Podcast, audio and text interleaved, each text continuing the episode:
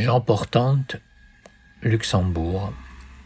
Que feront les clés quand les serrures auront disparu et que les étoiles, comme des olives presque mortes, entreront sans frapper dans la chambre?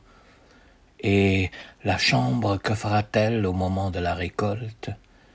Qui dira à la voix lactée de ramasser son drap et de le replier?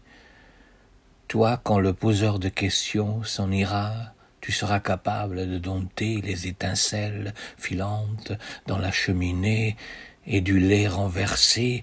Tu ne lisseras que la peau. Mieux vaut veiller à feu verrouillé que rallumer la grande ours.